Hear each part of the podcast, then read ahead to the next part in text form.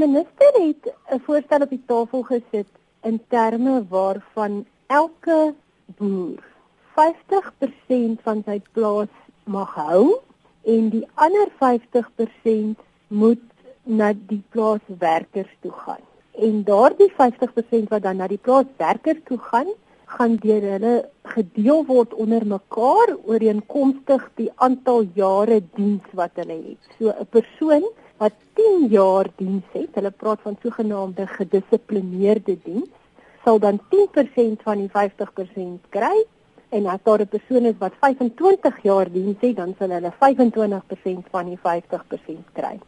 Die beleid is in baie opsigte nie duidelik oor presies wat beoog word nie. Byvoorbeeld, stel dit nie uit of dit nou werklik fisies 50% van die grond is wat ter sprake is en of dit 'n 50% aandelehouding met 'n onverdeelde aandeel in die totale plaas is nie.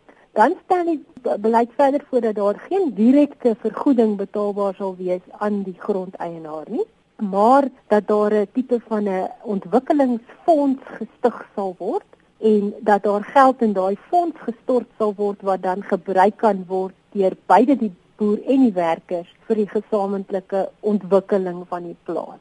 Word daar ooit van eiendomsreg gepraat? Nee, soos ek sê, die beleid is volgende klomp opsigte en hy praat nie direk van eiendomsreg wat na die plaaswerkers toe sal gaan nie. Hy praat net van 'n aandeel en Die beleid is glad nie duidelik of dit 'n fisiese aandeel in die grond is of 'n onverdeelde aandeel in die plaas en of dit 'n aandeel in die besigheid is.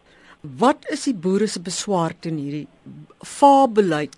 Die eerste ene is dat ons reken natuurlik dit is baie onbillik om nou van 'n boer te verwag om basies afstand te doen van 50% van sy besigheid sonder vergoeding terwyl dit nie verwag word van enige ander sektor nie. In die tweede plek dink ons dit is onrealisties in terme daarvan dat dit gaan uit van die standpunt boerdery is winsgewend en boere is ryk en kan maar bekostig om hierdie soort van opoffering te maak wat natuurlik nie die geval is nie want 'n geweldige groot aantal van die boere in ons land is ouens wat nie eers vir wet geregistreer is nie met ander woorde hulle omset is minder as 300 000 per jaar Ons dink dit is onwerkbaar in terme van net die praktiese uitvoering daarvan. Ek meen dink jouself nou in. Iemand gaan nou 'n ondersoek moet doen in die eerste plek om nou uit te vind watter werker is nou vir hoe lank op die plaas en het hy vir al daai tyd gedissiplineerde diens gelewer. Dan gaan daar 'n onderverdeling waarskynlik moet plaasvind. En jy sit met die wet op die onderverdeling van landbougrond waarby jy verby moet kom. Dan sal daar kartering en goed moet plaasvind, die landmeter-generaal sal moet betrokke raak.